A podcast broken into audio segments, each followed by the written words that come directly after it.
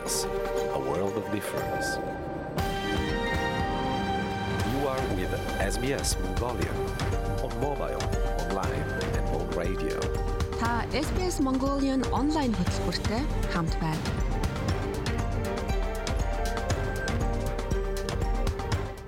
Сайн мэцхан Австрали суугаа монголчуудаа SBS радиогийн монгол хэл дээрх хөтөлбөрийн 2023 оны 3 дугаар сарын 23-ны шинэ дугаар эхлэхэд бэлэн боллоо.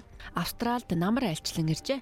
Мельбурн хотод зүсэрсэн мороотой өдрүүд үргэлжилж байхад Сидней хотод сүүлийн олон жилийн туршид тохиогоогүй олон халуун өдрүүд тохиож байгаа юм байна. Ингээд намрын энэ өдрүүдэд танд хэрэг болох зарим мэдээллийг монголчуудынхаа түүхийг хуваалцахаар SBS радиогийн монгол хэл дээрх хөтөлбөр маань эхлэж байна. Бидний нэвтрүүлгээ түгээж буй энэхүү газар нутгийн уугуул эздэд талархал илэрхийлж байна. SBS Mongolian Colon үндэсний Wurundjeri Woi Wurrung хүмүүс тэдний өнгөрсөн ба одоо үеийн эхэс дээдсүүдэд хүндэтгэл үзүүлж байна. Мөн та бүхний сонсон сууж буй газар нутгийн Абориген болон Торресын хоолойн арлын бүхэл уугуул эздэд бид талархан хүндэтгэл үзүүлье. Өнөөдөр та бүхэн сонсохоор бэлтгэсэн нэвтрүүлгийнхаа товч агуулгыг танилцуулъя. Бид Australian Awards тэтгэлэг хөтөлбөрөөр ирсэн зол заяа амттай ярилцлаа. Тэрээр Монгол 15 жилийн туршид мэдээгүйжүүлгийн салбарт ажилласан. Харин одоо Австралид ирж хүүхдийн мэдээгүйжүүлэг тэдний тархинд хэрхэн нөлөөлдөг тухайд нэрвчилсэн судалгаа хийж байгаа юм байна. Бид түүнтэй судалгааныхаа талаар болон өөрийнх нь тухай ярилцлаа. За бид Австралид оршин хөтөж булангаараа гэр бүл салалтыг шүүхэд очихоос өмнө хэрхэн шийдвэрлэж болох талаар ярилцлаа. Шүүхэд очно гэдэг хэдэн сарын туршид үргэлжиж болох хэдэн мянган доллар зарцуулдаг төвөгтэй асуудал тэгвэл үүнийг шүүхэд очихоос өмнө яаж шийдвэрлэж болох тухай та эндээ сонсоорой. Мөн цаг үеийн мэдээлэлдээ бид нар Австрали улс удахгүй эмэгтэйчүүдийн хөл бөмбөгийн аврах шалгаруулах тэмцээнийг зохион байгуулах гэж байгаа. За яг түүний дараахан Азийн хөл бөмбөгийн пара цомын төлөөх тэмцээнийг зохион байгуулах гэж байгаа юм байна. За мөн төгсгөлд нь бид нар англи хэлний хичээлийг заснаар манай өнөөдрийн хөтөлбөр үргэлжлэх болно. Мэдээж дунд нь Монголын хамтлаг дуучдын уран бүтээлийг тань аль биесны эрхтэйгээр хүргэх болно. Өдрийг бидэнтэй хамт сайхан өнгөрүүлээрэй.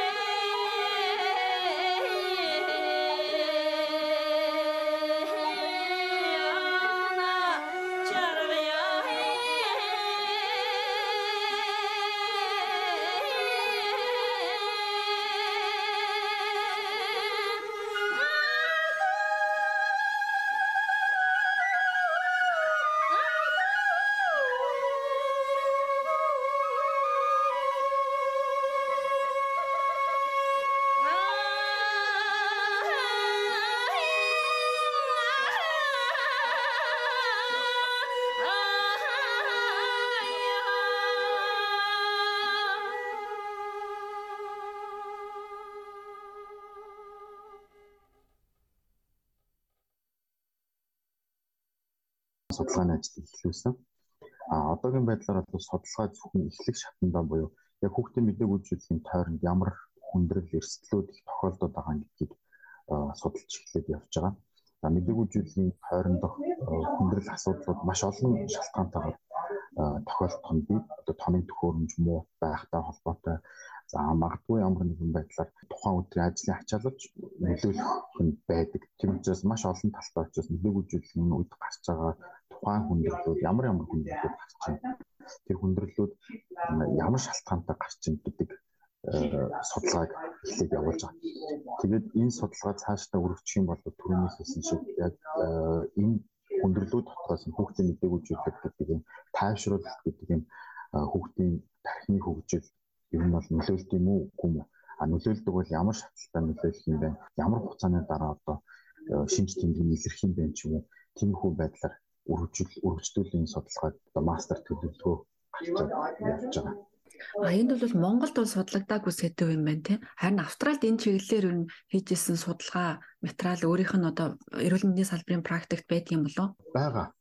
Тийм ч учраас яг энэ судалгааг энэ Westmead-ийн хүүхдийн лэг Мельбурнд байдаг Royal Children's Hospital гэдэг энэ хоёр эмнэлгийн профессорудтай хамтарч хийхийг зориод энэ судалгааны ажлыг эхлүүлж байгаа. Австралид бол 2000 оноос хойш ерөнхийдөө яг энэ чиглэлээр 2-оос 3 том судалгааны trial явуулж байгаа. Э, яг энэ төрлийн судалгаа хийхэд аюул том судалгааны туршлагацсан баг энэ ажиллаж байгаа. А за нөгөө талаас харах юм бол яг энэ төрлийн судалгааны нөгөө Америк төв, Европ төв гэдэг нөө үсээрээ ингээд бас хийгдсэн. Учираас бас тодорхой хэмжээгээр бас орчин үеийн ангаах ухаантай хөл нөлөөлөхийн тулд Монголд ч гэсэн судалгааг ер нь хийх заашгүй шаардлага бий болчиход байгаа. А одоо энэ асуултыг тавихад харьцангуй эртвэж ч магадгүй тасаа хэлжсэн те ер нь мдээгүй зүйлтийн дараа хүүхдийн тархинд нөлөөлөх боломж ер нь байдгүй. Яг яг одоогийн байдлаар бол яг тийм байна гэд хэлэхэд бол дэндүү эртвэ. Ягаад гэвэл яг энэ төрлийн судалгааны ажил бол зөвхөн төлөвлөгөө дотроо явж байгаа учраас үр дүнг нь хэлж ярих бас бүрэн боломжгүй. За яг бусад хийгдсэн одоо судалгааны Австралид ч юм Америкт ч юм уу хийсэн судалгаануудын ажлыг харахад мэдээлжүүлгээд ямар нэгэн байдлаар хүнд хэлбэрийн хүндрэлүүд ч юм амьсгалын замын зөв сүцний үйл ажиллагаатай холбоотой хүндрэлүүд гарахгүй бол одоо юу гэдэг хүүхдийн тархины хөгжилд бол маш хүчтэй нөлөөлөл хоцрогдол үүсэх нь бол баг үгүй юм а гэсэн шийдэл ер нь бол хүрээд байгаа одоохондоо. Ягаад гэвэл мэдээлжүүлэг гэдэг маань өөрөө бол одоо сүүлийн 10 10 жилээр маш тавшингуй хөгжиж байгаа бас нэг ангаахын салбар тэрнтэйгээ холбоотойгоор бидний хэрэглэгдэж байгаа ийм эмийн бодис за мэдээлжүүлгийн техникүүд баг өдөр өдрөөр апдейт хийгээ шинжилгээдээ явж байгаа учраас ер нь бол хүндрэл эрсдэл тухайн яг одоо юу гэдэг хүүхдтэй том хүндэтгэл нөлөөлөх нь гаж нөлөө харцангуй багассаар л байгаа. Ер нь бол Тэгэхээр золоогоос асуухгүй өнгөрч болохгүй нэг зүйл бол саяхан Австралийн мдэггүй зүйлтийн эмч нарын нийгэмлэгээс 20 мянган долларын грант авсч одоо судалгааны ажиллаа хийж байгаа юм байна. Тэгээд энэ тухайд бас бид нартай ярилцаач яг ямар сэдвэр судалгаагаа хийж байгаа вэ? Тэгээд Австрали Шинзландын мдэггүй зүйлтийн эмчний нийгэмлэг болохоор судлаач нар аягүй том грант амлдаг. Э, үнэхээр одоо нэг деманднд байгаа хэрэгцээтэй судалгааны ажлуудад грант өгдөг. Тэгээд энэ жил би Австрали мдэггүй зүйлтийн эмчний мэдээлэл хэмжээ нэгээс 20 мянган долларын грант судалгаанд авсан байгаа. Тэдний манай профессор дээрийн aim болоод байгаа яг propose хийх гэдэг байгаа юм юу гэхээр ийм web based ийм application бүтээх гэдэг байгаа байхгүй юу. Тэгээд тэр нь болохоор яадаг вэ гэхээр яг хүүхдийн мэдээлэл зүйлгүй одоо хүндрэлүүдийг бүртгэхэд явчихдаг. Тэгээд энэ судалгааны ажил одоо дүгнэгдээд 2 жил дүгнэгдчихлээ гэж бодсон 5 жилд ч юм уу энэ аппликейшн дээр одоо датанууд нь цуглараад яваад хахаар дахиад апдейт хийж судалгаа хийх. Энэс дахиад одоо хүн мэдээгүйжлийн дараа бөөлжих ямар байгаа ч юм. Эсвэл зөвхөн мэдээгүйжлийн үед хүүхдэд зүрхний хэм алдал ямар байгаа ч юм. Бүр нарийнс ч ингэж нэг судалгаа хийх бүрэн боломж үүсэх магадлалтай учраас бидний гол зориод байгаа манай профессор манай судалгааны багийнхны зориод байгаа болохоор нэгдсэн гоё дата сан хүүхдийн мэдээлэлтэй холбоотой үүсэх зорилготой байгаа. Тэгээд энэ фанд маань тэрүүнд зориулагдах. Хизээ ер нь сургуулаа төгсөх вэ? Монголдо очиод бас үүнийг амьдралд нэвтрүүлэх тал дээр ямар нэгэн төлөвлөгөө од байгаа юу? байлгүй яг хөө судалгааны ажил ерөнхийдөө нэг 3 жил орчим үргэлжлэнэ гэж төлөвлөгдөж байгаа одоогийн байдлаар. Тэгээ түүний дараа бол хийхээр зорж байгаа зүйл бол клиникийн судалгааны ажлууд руу илүү их анхаарлаа хандуулж ажиллах төлөвлөгөөтэй байгаа. Тэр нь ямар байдлаар вэ гэхээр судалгааны жижиг группүүдээр тухайн салбарыг нь салбарын судалгааны ажлуудыг одоо хийд хийж явах байдлаар хийх зүгээр юм болов гэсэн байдлаар харагдаж байгаа. Яагаад гэвэл миний байгаа Westmead хүүхдийн имлэг дээр одоо яг мэдээгүүжүүлэх тойрны одоо судалгааг хийж байгаа. Одоо миний өөрөө ажиллаж байгаа chip lab гэдэг байхад хажууд талд хүүхдийн одоо зүрхний өвчтөй холбоотой судалгааны ажлыг ажлыг хийдэг Children's Heart Center ч юм уу зөвхөн тэр ингээд судалгааны ажлыг хийдэг нэг групп байх жишээ нь.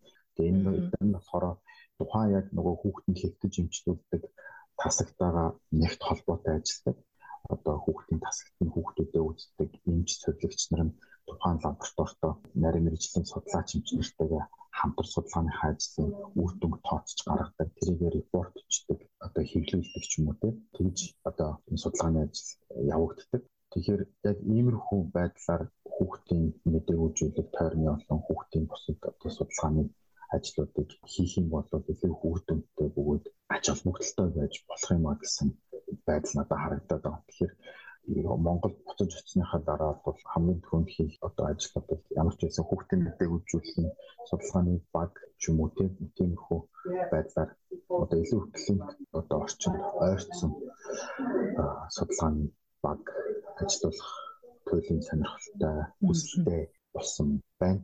Яг одоо юм байна.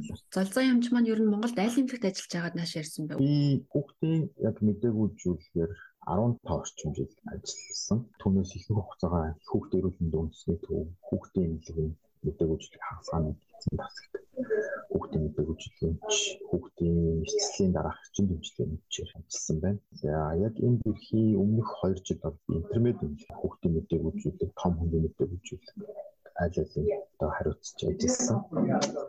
Тийм мэдээж буцаж очиод одоо хүүхдийн мэдээгүйчилэгтэйгээ ойрхон ажиллах бол одоо миний туйлын зорилго. Аа гэхдээ яг нөө клиник судалгааны ажлыг илүү их нөгөө бааз төвлөрсөн газартаа хийх нь илүү их үр дүнтэй мэдээллийн сан илүү хүргэн судалгааны хүргэнтэй байх учраас хүүхд эрүүлэнд бол эрүүл мэндийн үндэсний төв бол энэ болохоор бол маш том боломжийг судлаач нарт өгөх магадлалтай. Магадлалтай юу ах вэ? Ер нь бол өгдөг тийм За тэгээ таны сурах их үйлсэд хувьсаа болон сонсогчтойгоо өмнөөс өндөр амжилтыг хүсье өрөө. Монголын одоо эрүүл мэндийн салбарт маш том ахиц дэвшилт авчрах ийм нарийн мэрэгчлээ суралцж байгаа юм байна. Тэгээд цаг зав гаргасан баярлалаа. Одоо баг цайны цаг нь дуусчлаа да. Гэс цайгаа угаал буцаад ажилд орох нь тий. За харин тийм. За баярлалаа тайлд миний одоо судалж байгаа зүйл өгч хүндлээс сонирхсан явдал. Яг үсэр нэг хит нарийн мэрэгчл учраас бас төлөвлөх хүмүүсийн анхаарлыг сонирхлыг бас татгалзуун болов гэсэн бас миний ажиглагдсан одоо юу гэдэг үнцэг бас байгаад идэв. Тэгээд өөрийнхөө туршлагыг болон өөрийнхөө хийж байгаа судалгааны ажлыг та бүхэндээ хуваалцахад таатай байлаа. Баярлалаа та бүхэнд. За баярлалаа амжилт хүсье. Танд болон танай гэр бүлд амжилт хүсье, эрүүл энхийг хүсье өрөөе. Баярлалаа. Баярлалаа.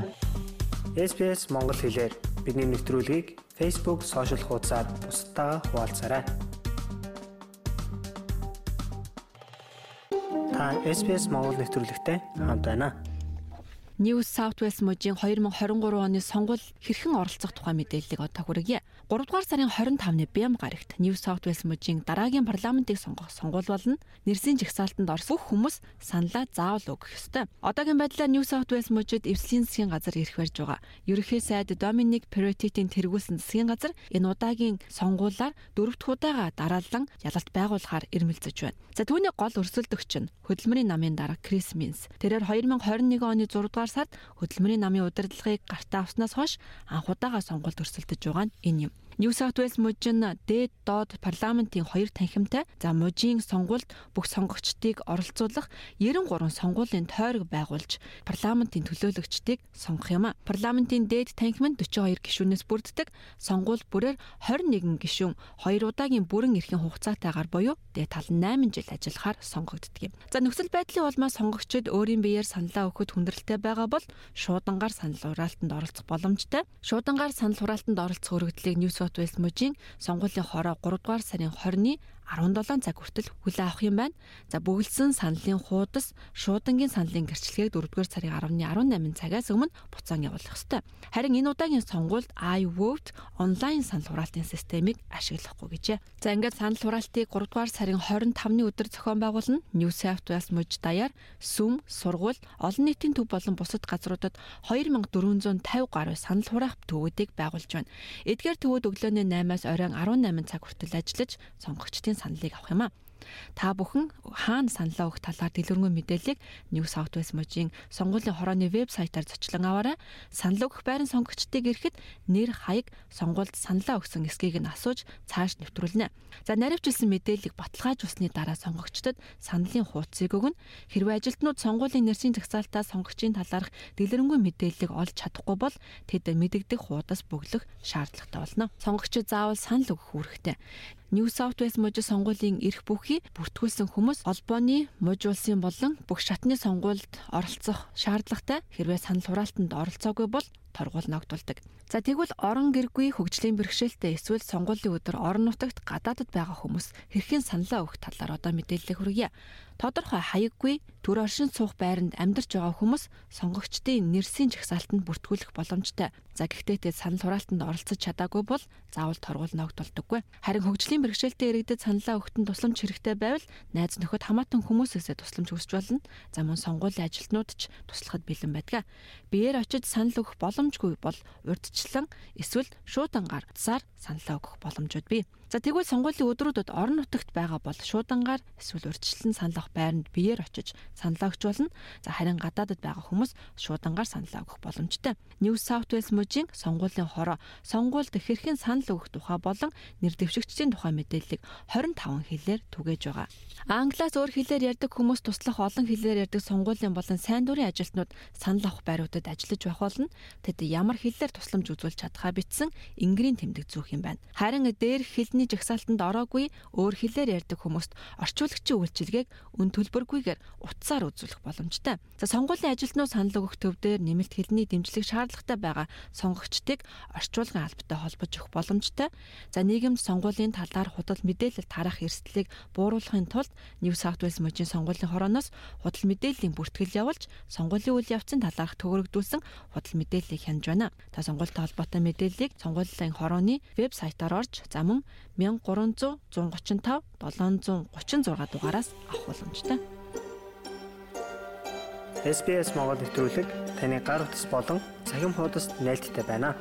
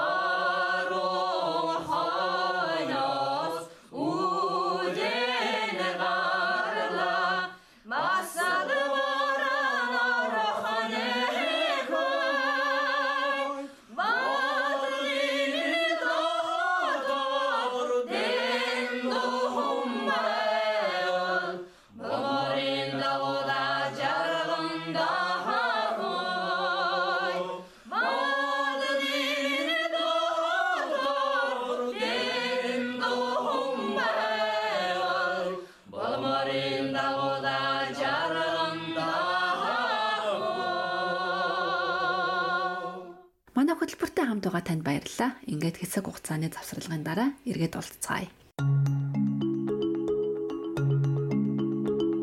SBS Mongolian танд таалагдсан бол сошиал ертөнцид бидэнтэй холбогдож ярилцаарай. Та биднийг Facebook-ээс SBS Mongolian гэж хайгаад олох боломжтой.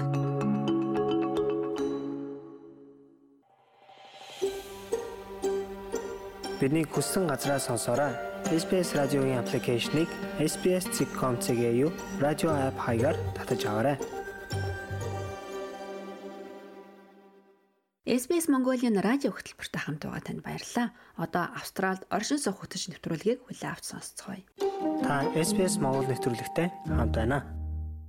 Сайн мэцгаанууд сонсогчдоо оршин суух хөтөч булангийн энэ удаагийн дугаарт шүүхэд хандахгүйгээр гэр бүл салалтыг хэрхэн шийдвэрлэдэг тухайд ярилцах гэж байна. Гэр бүл цуцлалт бол хүний амьдрал тохиож болох хамгийн хэцүү үе. Шүүхэд хандхад сэтгэл санааны хувьд хүнд байхаас гадна асар өндөр зардалтай байдаг учраас шүүхэд очихоос өмнө эвлэрүүлэн зуучлал болон гэр бүлийн маргааныг шийдвэрлэх өөр хувилбаруудыг бодож үзхийг Австралийн хууль эрх зүйн систем уриалдаг. SBS A World of Difference Энгийнээр бол гэр бүл салалтан гэрлэлтийг албан ёсоор цуцлах явдал юм. Та хоёр сэтгэл санаа эцэг их байх хариуцлага, санхүүгийн асар их үр дагаврыг харгалзан үзээд эвлэрэх шийдэлт хүрэхийн тулд хүчин чармаалт гаргаж болно. Австралид гэр бүл салах өргөдлийн нэг хэсэг нь энэхүү гэрлэлт дахин сэргэхээргүй болсон гэдгийг батлах шаардлагатай болдог. Энэ нь 12 сараас дээш хугацаанд тусдаа амьдарч байгаагаа нотлох ёстой гэсэн үг юм а.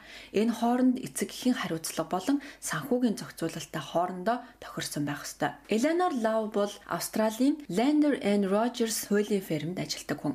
Тэрээр гэр бүлийн хүчирхийллийн чиглэлээр 15 жил ажилласан олон улсын гэр бүл салтыг шийдвэрлэх туршлагатай хүн юм а. Тэрээр хэлэхдээ салж байгаа хосууд шүүхэд хантаас өмнө эхлээд эцэг эхийн болон эд хөрөнгийн асуудлаа албан ёсоор шийдвэрлэхийг оролдох ёстой гэлээ.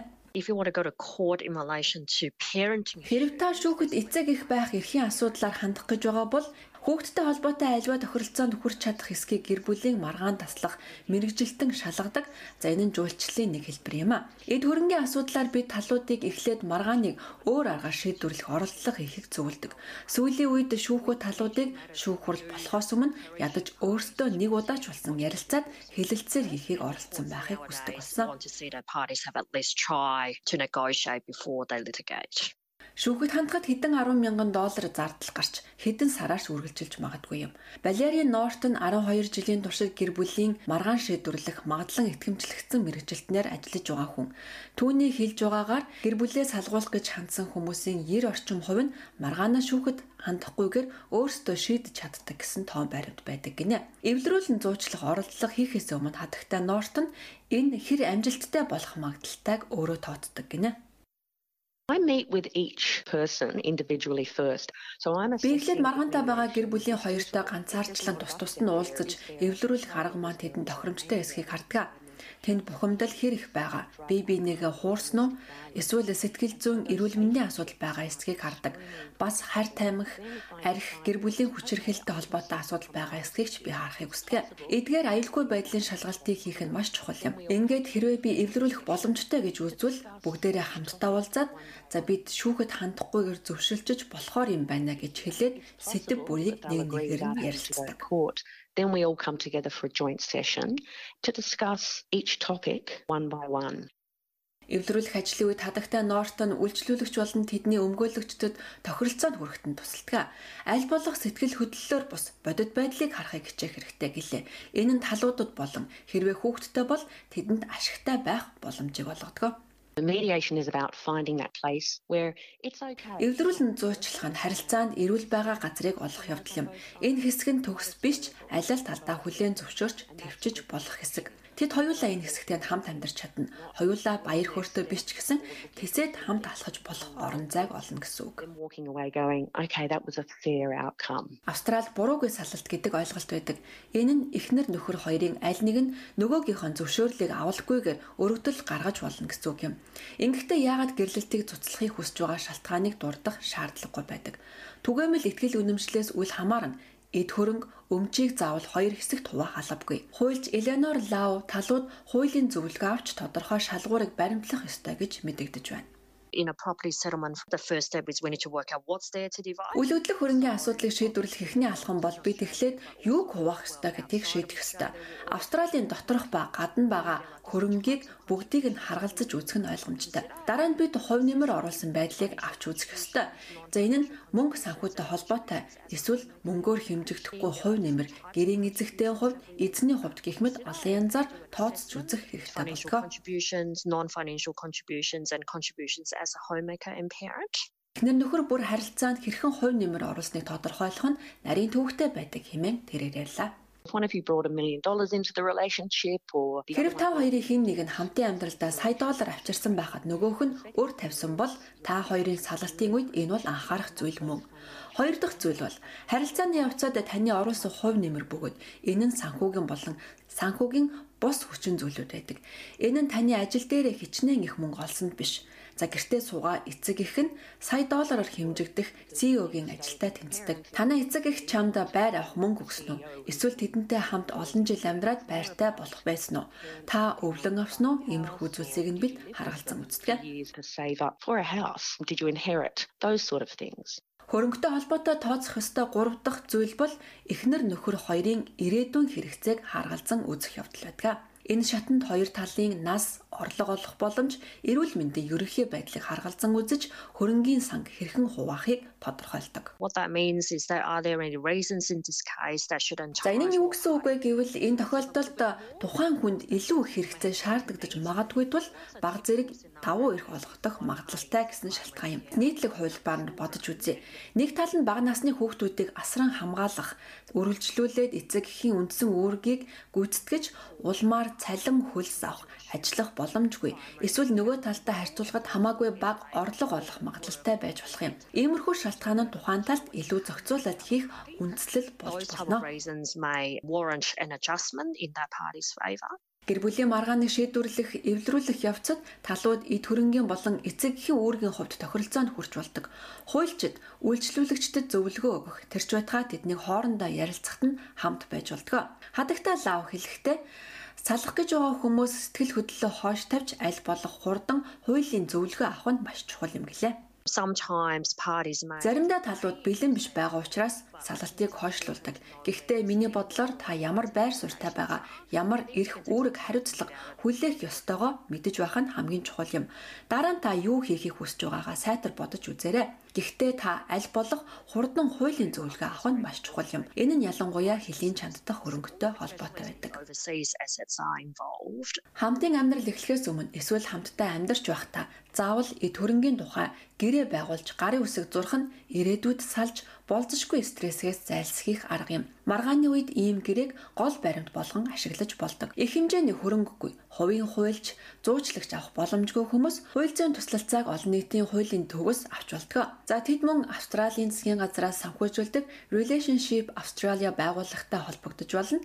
Тэндээс гэр бүлүүдэд хууль зүйн тодорхой зөвлөгөө өгч үн төлбөргүй эсвэл хямд үнээр итгэмжлэгдсэн жуулчлагч зөвлөхүүдтэй холбож өгөх боломжтой юм. Relationship Australia байгууллагын гүйцэтгэх захирал нэг тэбитэй ярилцлаа. going through a relationships Australia type Манай үйлчилгээнд хамрагдах нь өмгөөлөгчөд хандхад гарах зардлуудыг бууруулж чаддаг. Тиймээс хэрвээ та шүүхэд хандахтай холбоотой бүх хуулийн үйлчилгээний төлбөрөө багасгах чадвал бусад шийдвэрлэх ёстой асуудлуудаа илүү их мөнгө гаргаж чадна гэсэн үг. За хэдийгээр Relationship Australia шүүхэд үйлчлүүлэгчээ төлөөлөх боломжгүй байдаг ч шүүх хүрэл болж байгаа гэр бүлүүдэд сэтгэл санааны дэмжлэг үзүүлж зөвлөгөө өгөх боломжтой. We're much more than just a, a transaction. Бид зөвхөн гэр бүл салалтын асуудлыг харж хэн юу авахыг шийддэг. Бид хүмүүс үүнтэй холбоотой бүх зүйлийг даван туулахад нь тусалдаг. Гэр бүл салахад маш их сэтгэл хөдлөл тэнд өрнөдөг. Үүнийг боловсруулж шийдвэрлэх шаардлагатай байдаг. Хэрвээ хүүхэдтэй бол эцэг их нь салсан ч тэдний хоорондын харилцаа үргэлжилсэн хэвэр байх нь ойлгомжтой шүү дээ. Ongoing relationship between those parents, even if they are divorced. Та амьдран судаг газрын хаан Relationship Australia Office-тай холбогдож уулзах цаг авч болно.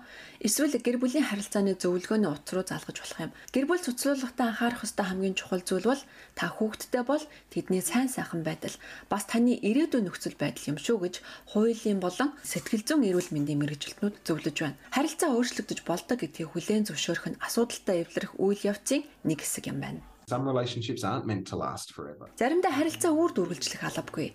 Тэд эерэг амжилттай байсан ч хоёр тийш болж болно. Эндээс үнэхээр аз жаргалтай амжилттай амьдралаар амьдарч магадгүй дараа нь шинэ харилцаатай ч байж болох юм. Үүнийг хүлээн зөвшөөрч гэр бүл салалт гэж юу болох тухай гутаан доромжлол ичгүүрийг арилгаснаар бид энэ ердийн үйл явцам гэдгийг хүлээн зөвшөөрч чаддаг.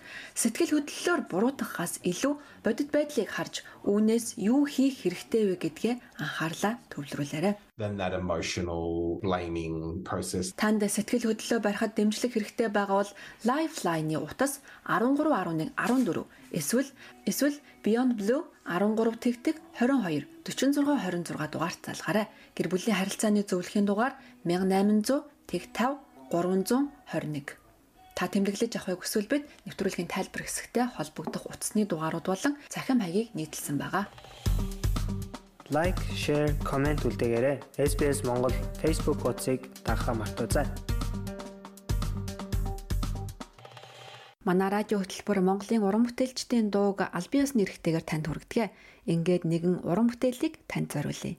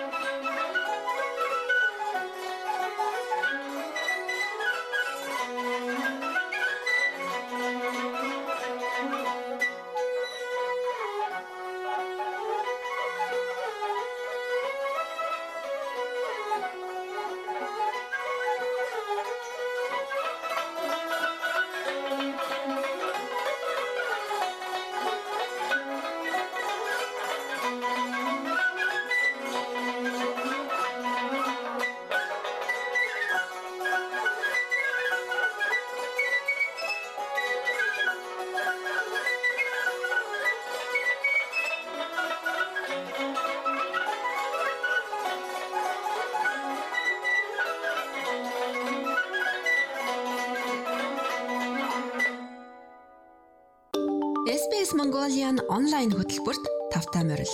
sbs.com.au/mongolian-аар орж манай подкастуудыг онлайнаар хаанч явсан сонсож болно.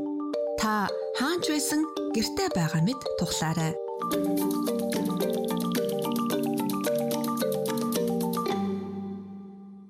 Та SBS Монгол нэвтрүүлэгтэй хамт байна. Азийн хөл бөмбөгийн пара цомын тэмцээнийг Австрали улсад зохион байгуулахаар боллоо. Хөл бөмбөгийн эмэгтэйчүүдийн дэлхийн авраг шалгуулах тэмцээнийг Австрали, Шинэ Зеланд улсад энэ оны 7-8 дугаар сарууд дамжин явсны дараах энэ тэмцээн мөн Австрали улсад болох гэж байна. Пара Азийн цомын тэмцээн 10 дугаар сарын 31-ээс 11 дугаар сарын 12-ны хооронд Мельбурн хотод болох бөгөөд эрэгтэй эмэгтэй багуудын тэмцээнүүд зэрэгцэн явагдах юм а. Сара Волш бол Австралийн хөл бөмбөгийн эмэгтэйчүүдийн багийн ахлагч Тэрээр ингэж ярьлаа. Олон улсын байгууллагаас олгодог эрхийн хүрээнд шигшээ багууд мань тоглож байгаа нь хангалтгүй гэж би боддгоо. Томоохон арга хэмжээг зохион байгуулж байгаа нь бидний хувьд маш чухал зүйл. Бид дараагийн эмэгтэйчүүдийн Азийн цомын төлөх тэмцээнд өрсөлдөх чатандаа явж байна. Холбооны хөгжлийн бэрхшээлтэй иргэдийн асуудал эрхэлсэн захирал Билл Шортон уг мэдээллийг хүлээн авч хөл бөмбөг хүмүүсийг нэгтгэж оролцоог дэмждэг хэмээн онцоллоо. Энэ бол миний хувьд болон 4.4 сая хөгжлийн бэрхшээлтэй гэж мэдүүлсэн австралчуудын хувьд спортоор хичээлхийг хүсдэг хүмүүсийн хувьд ч бас сэтгэл хөдлөмж үе юм а. Параро болон Пара Матилдас бол тархины саажилттай тархины олдмол гэмтэл эсвэл харвалтын шинж тэмдэгтэй хөл бөмбөгчдийн Австралийн шигшээ баг юм. Бид Пароро багта 2015 оноос хойш тоглож байгаа Косима Сирилотой ярилцлаа. Yeah, very exciting. The boys are Тэмээ маш их сэтгэл хөдлөж манай хүүгүүд шуугилдаж байна. Пара Матилдас ч мөн адил. Манай хөл бөмбөгчд Матилдас сүүлийн үеийн тэмцээндээ маш их амжилт гаргасан гэж боддог.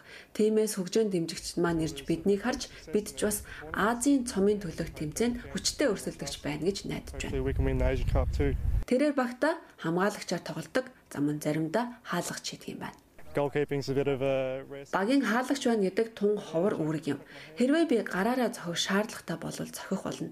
Би багийнхаа төлөө юу ч хийх болно. Хэрвээ хаалгач бол би хоёр гараа өргөд үнийг хийх л болно. Пара Матилдас баг өнгөрсөн жил байгуулагдаж 5 дугаар сард Испанд болсон Пара дэлхийн аврах шалралт тэмцээнд оролцсон юм а. Довтлогч Никол Кристодүлү 21 настайд хоёр удаа цус харуулж биеийн зүүн тал нь саажилттай болсон юм а. I couldn't walk. Би алхаж чадахгүй, сууж чаддаггүй, өөрөө хоолоо идэж чаддаггүй, ерөнхийдөө би өөрийгөө аваад явах чадваргүй болсон. Шүдэ авгаа хооллох гэх мэт миний төлөө бүх зүйлийг хийхэд ээж маань надад тусалдаг байсан. Би 17 хоногийг эмнэлэг твтэн өнгөрүүлж байгалийн жамаараа бүхнийг дахин хийж өөрийн дахиа сургасан. Things I once did naturally again. Пара Матилда багийн гишүүн болсон нь орхигдсон гэх түүний мэдрэмжийг үгүй хийсэн гэлээ. My dream then 10 uh, 9 жилийн өмнөх миний мөрөөдөл бол дахиад нэг удаа тоглох юмсан гэдэг байлаа. Харин одоо би өөрийнхөө тоглож чадах хамгийн сайн төвшөндөө байгаа нь сонин бас гайхалтай. Би Пара Матилда болоод нэг жил болсон ч өөрийгөө чимгсээр л байгаа. Тиймээс би энд байгаадаа маш их нэр хүндийн хэрэг гэж боддог мөн маш их талархаж явдаг. Азийн пара цомын тэмцээн Мельбурн хотын Латропийн их сургуульд болно. Тэмцээнд оролцох улс орнуудын нарийн тоог хараахан батлаагүй байна. Эмэгтэй баг номер 1-ээр ирэмлэгдэн гарах юм байна. За Косимо Сирело хэлэхдээ эрэгтэйчд бас ихтгэл дүүрэн байгаа гэлээ. Ираны баг дэлхийд 3 дугаар байранд ордог бол бид энэ тэмцээнд 2 дугаар байрыг эзэлдэг. Бид маш сайн амжилт гаргаж Азийн дэвжээнд гарч ялалтыг авах болно гэж найдаж байна. Тэмцээн 10 дугаар сарын 31-нд эхэлнэ. Үүнтэй адилхан бусад нэвтрүүлгийг сонсомоор байна уу? Apple Podcast, Google Podcast, Spotify эсвэл та өөрийнхөө сонсдог апп ашиглан манай нэвтрүүлэгтэй хавд байгаарай. Одоо та бүхэн Австралийн амьдралын хэм маягаа суралцаж англи хэлээ сайжруулах боломж олгодог SBS Learning English нэвтрүүлгийн шин дугаарыг хүлээн авч сонсноо. Англи хэл сурах нь таны амьдралыг өөрчилнө. Та хэлээ сайжруулангаа Австралийн соёл, амьдралын хэм маягийн тухай SBS Learning English-с сураарай. Манай подкастыг хаач явсан сонсож болно. Hello and welcome to the SBS Learn English podcast, in which we help Australians to speak, understand, and connect. My name is Josipa, and like you, I'm still learning new phrases and vocabulary that helps me communicate better in English. In this episode, we'll practice how to talk about food, diet, and our body weight. But first, let me remind you that we have learning notes, quizzes, and transcripts on our website, so you can keep learning after listening to this episode.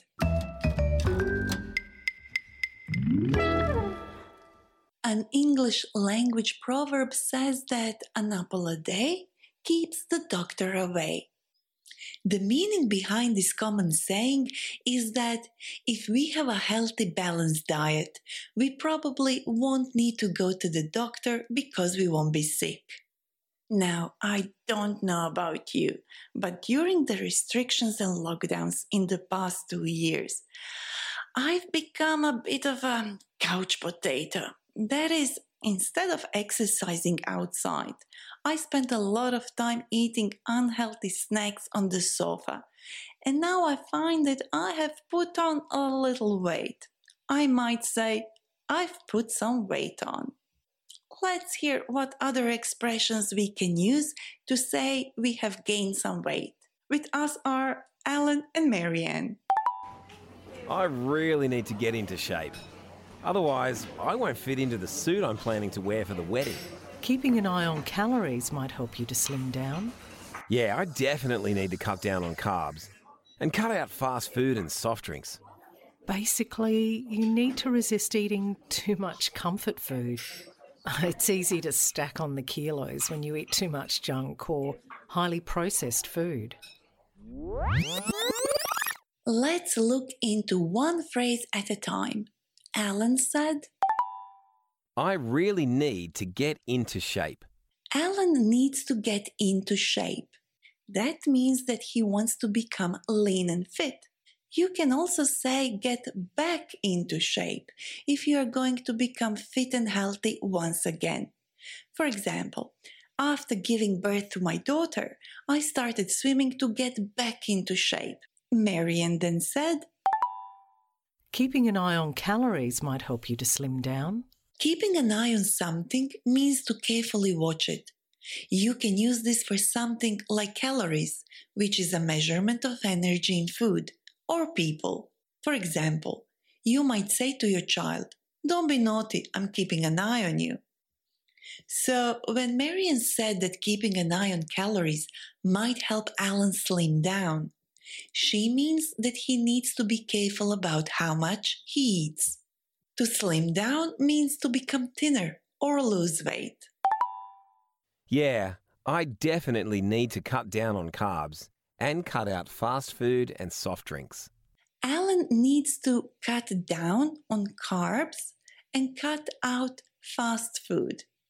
Carbs is short for carbohydrates. And if you need to cut down on carbs, you need to reduce them, meaning you need to eat less food that has a lot of carbs, such as bread, pasta, potato, cookies, corn, and so on. Alan also wants to cut out fast food and soft drinks. If you cut something out from your diet, you stop eating or drinking it completely. At the end, Marian said, Basically, you need to resist eating too much comfort food. It's easy to stack on the kilos when you eat too much junk or highly processed food. Comfort food is the type of food that makes us feel comfortable. We often want to eat it when we are sad or worried.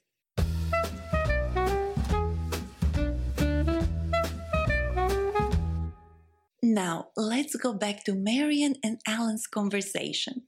We'll hear Marian's last sentence once again. It's easy to stack on the kilos when you eat too much junk or highly processed food. Yeah, I need to go on a diet. I've read somewhere you can lose weight fast with a crash diet. I don't know if diets actually work. I've been on every diet from Atkins to a flexitarian diet, and I put the weight straight back on every time. You know what else worries me? I have both lactose and gluten intolerance, so I should probably speak to a nutritionist before making any big changes. In this dialogue, Marian used two different expressions to talk about gaining weight. First, she said it's easy to stack on kilos.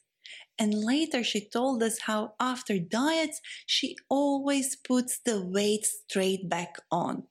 Talking about other people's weight can be very sensitive, and some softer, more considerate ways of saying that somebody gained weight are he's looking a little bit heavier, or she's rounded out a bit.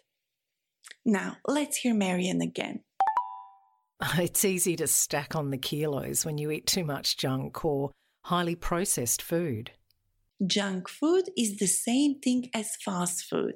And by that, we mean food that is high in fat and carbs and often low in nutritional value.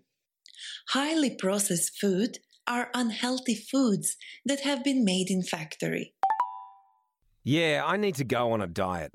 I've read somewhere you can lose weight fast with a crash diet. People can follow different kinds of diet for different reasons. For example, for medical reasons. If you want to start a diet like me, you could say, I've put on 5 kilos, I need to go on a diet. Alan said he read that you can lose weight fast with a crash diet. A crash diet is a diet designed to help people lose weight very fast. Marion then mentioned some other popular diets. Let's hear them again. I don't know if diets actually work. I've been on every diet from Atkins to a flexitarian diet, and I put the weight straight back on every time. The Atkins diet is a low carb diet, and people who follow this diet will eat foods low in carbohydrates, such as fruits, vegetables, whole grains, low fat dairy foods, poultry, fish, nuts, and beans. A flexitarian diet is, as the words flexible and vegetarian suggest, a semi vegetarian style of eating that encourages eating less meat and more plant based food. So, if you are thinking of becoming a vegetarian but are not ready to give up meat entirely, you could say, I'm on a flexitarian diet. There are too many diets to mention them all. Can you think about any other diets you have heard of? And lastly, Alan said, You know what else worries me?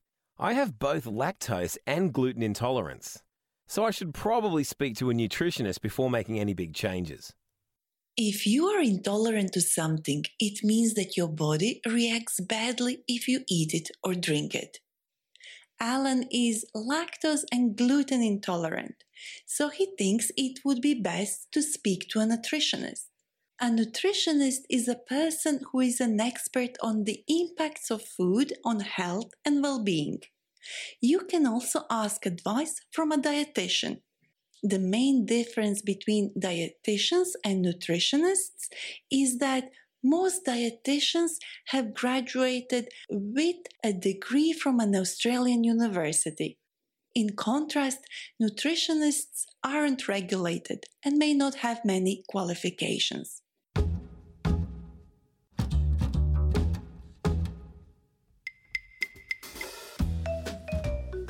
My guest today is my colleague Nikki Alfonso Gregorio, who, among other things, is a lifestyle and food writer for SBS Food. Hi, Nikki, it's nice to have you here. Hi, Josipa. Did you know that the word diet originates from the Greek word dieta, which literally means manner of living? I didn't know that. That's very cool. Nikki, there is so much advice out there when it comes to weight loss magazines, podcasts, and websites all promise that the latest popular diet will help you lose all the weight you want. How much can we trust food writers like yourself? well, we all know that we shouldn't believe everything we read. But jokes aside, I think it's fantastic that we have so much information out there so that people can make an informed decision. Because there's no one diet or weight loss plan that fits everyone? My next question is a bit more serious. The Australian Institute of Health and Welfare reports that the number of children and adults who are overweight or obese are rising. According to their latest findings, over 25% of Australian children and adolescents are overweight or obese. And according to the Global Obesity Observatory, Australia is the 19th most obese country in the world. Is this problem becoming a major public health issue in Australia? Yes, it is. If you're obese, this can have a negative impact on someone's entire quality of life. Heart disease, sleep, mood, energy can all be affected, so it's a big problem for Australia. Yes, but getting help from a nutritionist or dietitian can be pretty expensive. Are there any free services that can help us to choose the right diet for us and our children? Yes, there are plenty of free resources out there.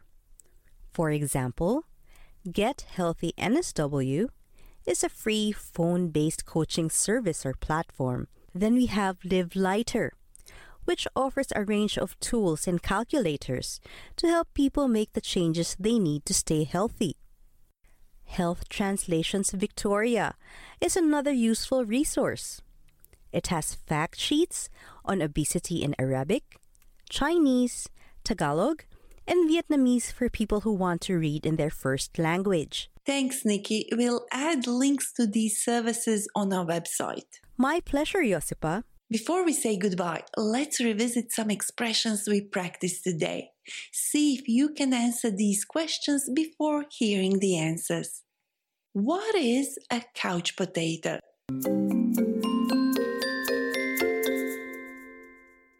A couch potato is a person who gets little or no exercise and spends a lot of time on the couch, watching a lot of television. What does keeping an eye on someone or something means?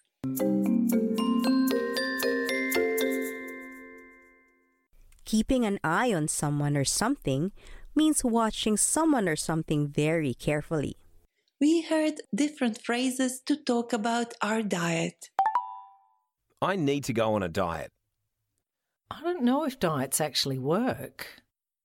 I've read somewhere you can lose weight fast with a crash diet. I've been on every diet from Atkins to a flexitarian diet.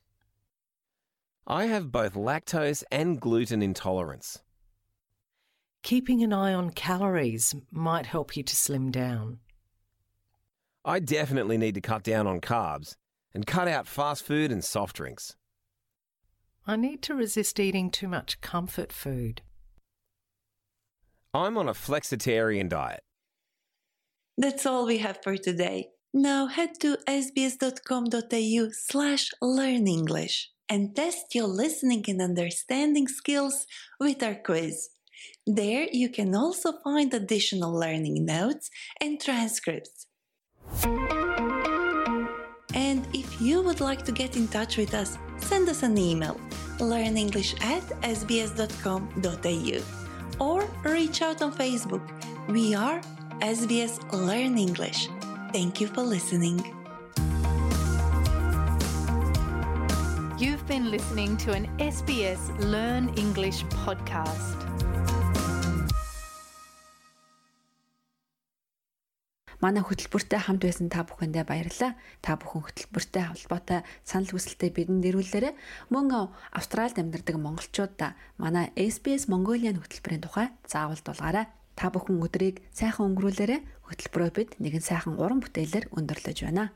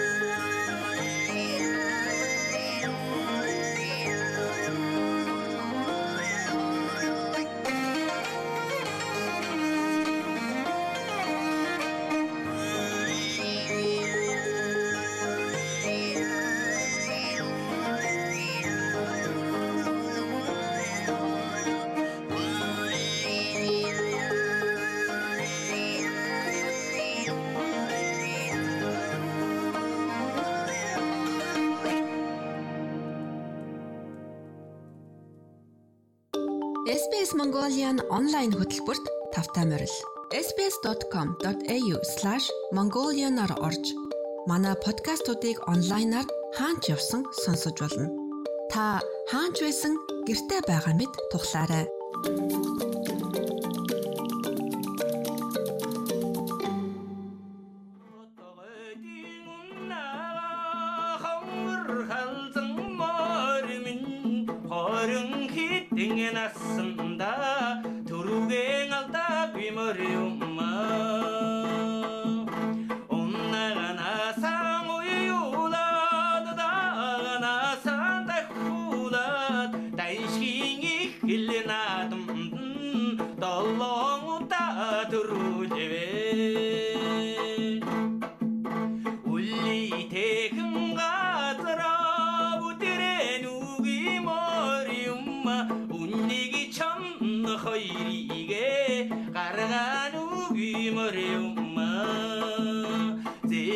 Дээр нь унсан жалууд нь дээний хамбар шагнууд ба